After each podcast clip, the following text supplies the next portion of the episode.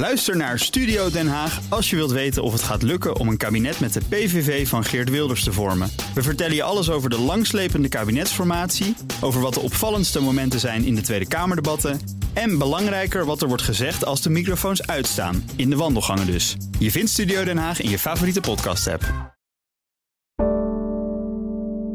Een goedemorgen van het FD. Ik ben Elfanie Toulaar en het is vandaag maandag 5 september.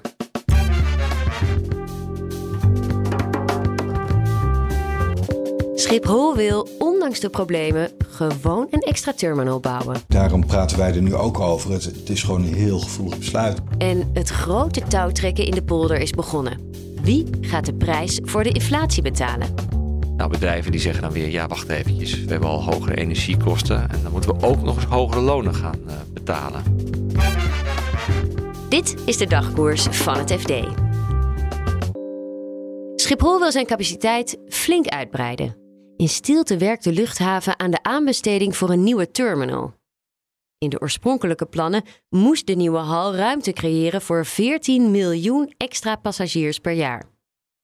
Nu heeft de hal een ander doel gekregen, vertelt redacteur infrastructuur Arend Klaassen. Schiphol geeft, eh, geeft in dit aanbestedingsdocument uh, geven ze aan dat, uh, dat die nodig is in verband met zogenoemde schuifruimte. En dat heeft te maken met capaciteit. Op het moment dat, je, dat ze ergens anders willen verbouwen, dan ontstaat er ook ruimte om, om reizigers,stromen en dergelijke elders op te vangen. Dus het zou een uh, capaciteitsding uh, zijn voor de huidige luchthaven. En er wordt een beetje verwezen naar de, de drukte die er de afgelopen tijd is geweest. Alleen uh, lag dat toch vooral eigenlijk aan uh, personeelstekorten. Ehm, en ehm, eigenlijk, eigenlijk is het een, naar buiten toe in ieder geval de afgelopen tijd heel weinig sprake van geweest dat het aan de ruimte of knelpunten in de, in de gebouwen zou liggen. Ja, het was toch ja. meer de beveiliging en, uh, en de bagageafhandeling. Um, en het, het, is, het, is, uh, het is wel een forse, uh, forse ingreep. Want het kost wel 1 miljard. Ja, en, en jij hebt de aanbestedingsplannen gelezen, maar 1 miljard, dat klinkt als gigantisch veel geld voor de bouw van een terminal. Ja, uh, nou is het wel zo. Uh, de bouwkosten zijn de afgelopen tijd natuurlijk enorm gestegen. En Schiphol is op dit moment ook bezig nog met die uh, A-pier. daar hebben ze met, met de bouwers hebben ze daar een conflict over gehad. Ballas Nedam en Turkse TAF. En dat contract is ook ontbonden, onder andere over de, vanwege de kosten en geschilpunten. En BAM gaat het afbouwen. En die is ook, die is ook een keer over de kop gegaan.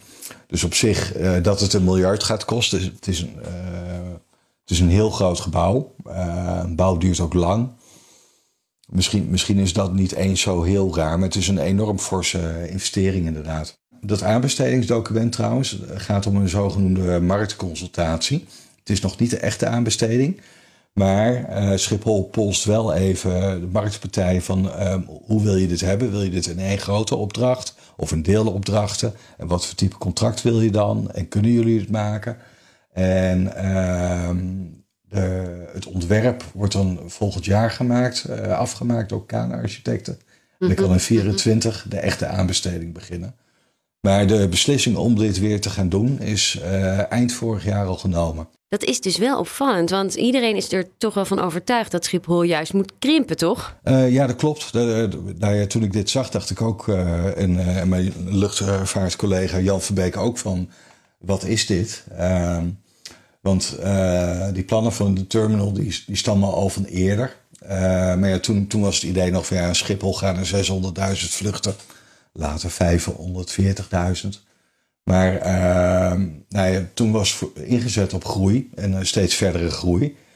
Uh, nou ja, tijdens corona zijn die plannen afgeblazen, logisch. maar ja, goed, minister Mark Harbers heeft in juni, eind juni nog gezegd van nou ja, Schiphol moet gaan krimpen, moet naar 440. En ja, dan, dan blijkt er dus een half jaar eerder of, of iets langer al zo'n investeringsbeslissing te zijn genomen. En uh, nu wordt de markt afgetast. Ja, ook opvallend, want Jan Verbeek, onze collega die uh, over luchtvaart schrijft, die sprak in juni nog met Hanne Buis, de COO van Schiphol. En zij zei dat deze plannen in de pauzestand stonden. Maar dat was dus helemaal niet zo. Nee, dat, dat, gaf ze aan in een gesprek met hem. Volgens mij was dat inderdaad eh, in het voorjaar of de zomer, dat weet ik niet precies. Maar dat heeft ze wel aangegeven. Dat, ze gaf aan van, nou ja, op termijn is die terminal zeker nodig. Uh, maar maar het was op dit moment niet actueel. Dat is wel wat ze aangaf tegenover hem. En er is vanuit Schiphol naar buiten toe ook nooit een bericht gekomen van uh, dat ze dit weer aan het opstarten waren. Um, eerder heeft uh, Jan ook wel eens gesproken met uh, Barin de luchtvaartkoppel van de luchtvaartmaatschappijen die op Schiphol vliegen.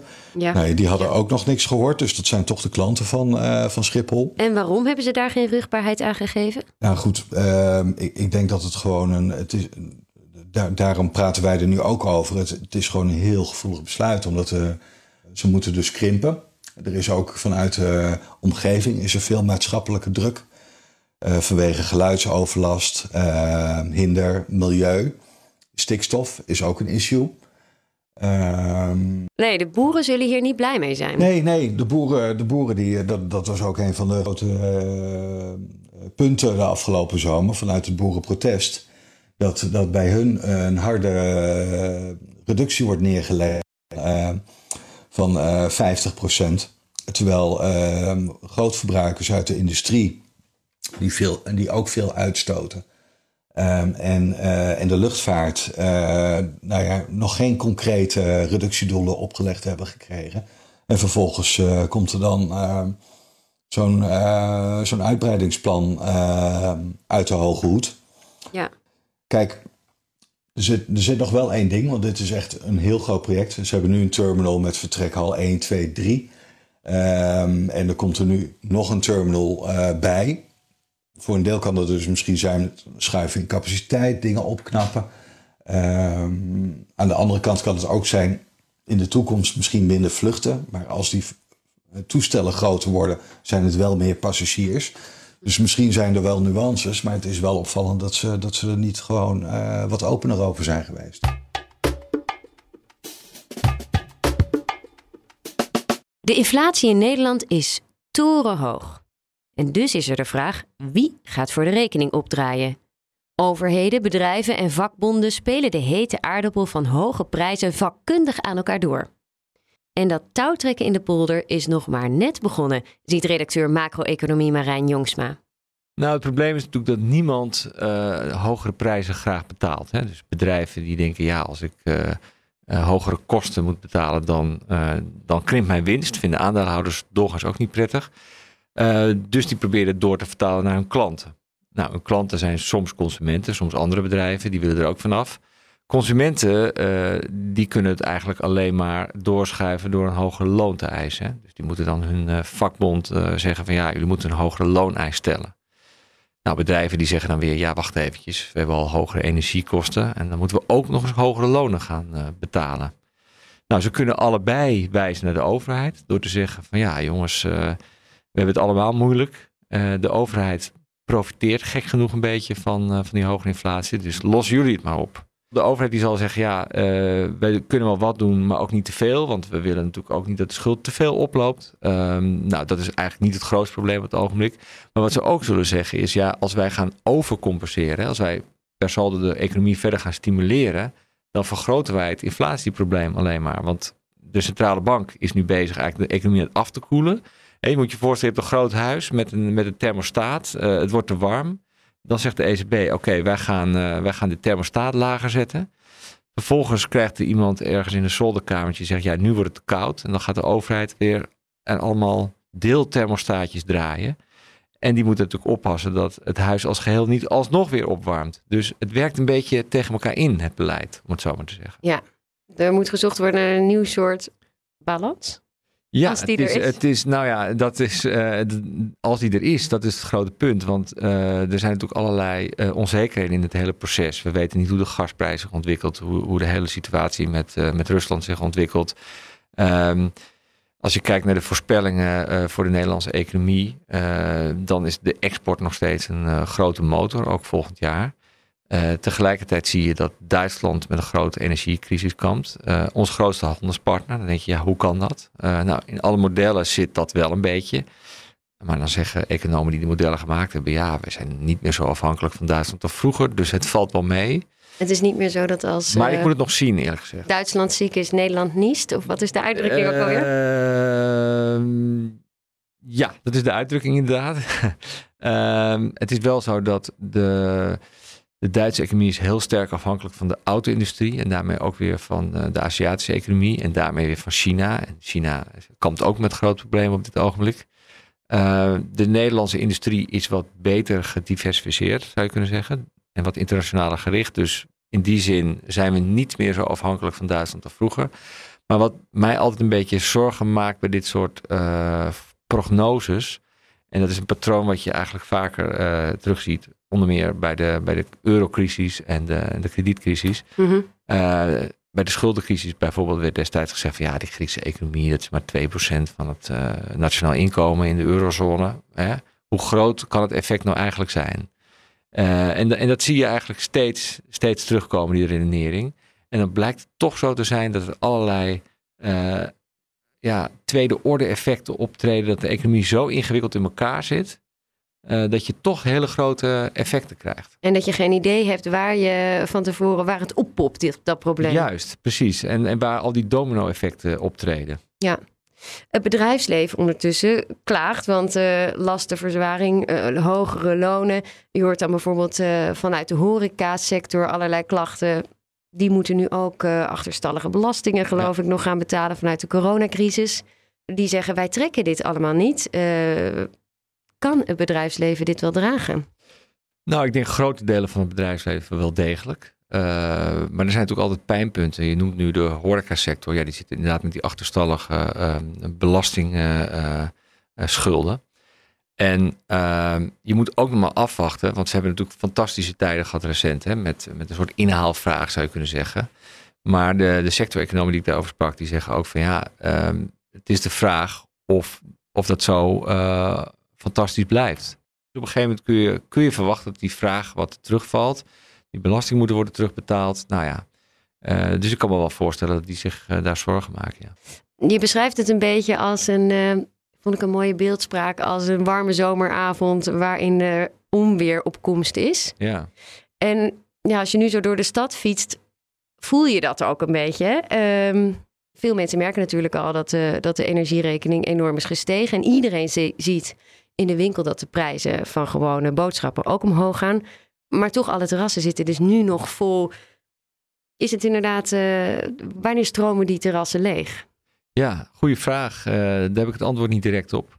Maar het is wel een soort eh, crash in slow motion, om het zo maar te zeggen. Iedereen voelt wel aan die nu nog een redelijk lage energierekening heeft. Die voelt wel aan dat het natuurlijk een keer gaat veranderen. Hè? Ze hebben een contract dat eh, moet worden vervangen. Of ze hebben hun maandbedrag eh, laag gezet. Nou, op een gegeven moment komt die eindafrekening. Ja, dan komt de realiteit ineens binnen. Eh, en dat gaat een enorme hap nemen uit de koopkracht. En ja, als je ook de prijzen op de terrasjes ziet.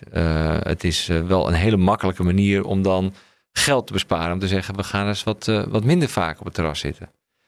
Dus dat is een knop waar je als consument heel snel aan kunt gaan draaien. Want uiteindelijk eh, komt het toch vooral bij ons consumenten terecht. Eh, ik vrees van wel. Het enige goede nieuws is natuurlijk wel dat de werkloosheid nog steeds heel laag is. Eh, en, en het idee is ook wel dat werkgevers niet heel snel zullen zeggen: ja, we gaan, we gaan aan de vooravond misschien een nieuwe recessie mensen ontslaan. Want ja, waar haal je die mensen weer zo snel vandaan als de arbeidsmarkt zo krap blijft zoals die nu is?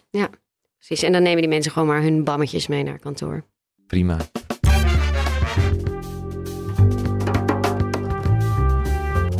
Dit was de dagkoers van het FD.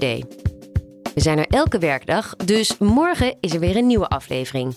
Die krijg je automatisch binnen als je je abonneert op Dagkoers. Alvast een hele fijne dag en tot morgen.